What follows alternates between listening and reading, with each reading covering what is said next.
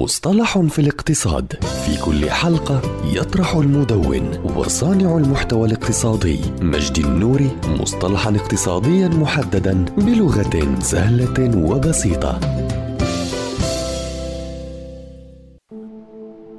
الدولة المتدخلة أو الموجهة هي نوع من الدول التي قامت على أساس الحكومات المركزية وذلك بالتدخل في توجيه الأنظمة الاقتصادية والاجتماعية والسياسية في المجتمعات وتقديم الخدمات العامة المختلفة في ظل ما كان يعرف بالدولة المتدخلة أو الموجهة. وقد تميز هذا النوع من الدول بقيام الحكومات المركزية وفروعها المختلفة في الأقاليم بحصر الوظائف الإدارية في العاصمة وفي يد عدد عدد قليل جدا من كبار الموظفين الإداريين والذين كانوا مسؤولين عن إدارة الأجهزة الحكومية المختلفة التي ظهرت خلال حقبة الثورة الصناعية والتي قامت في أوروبا من تاريخ العالم المعاصر.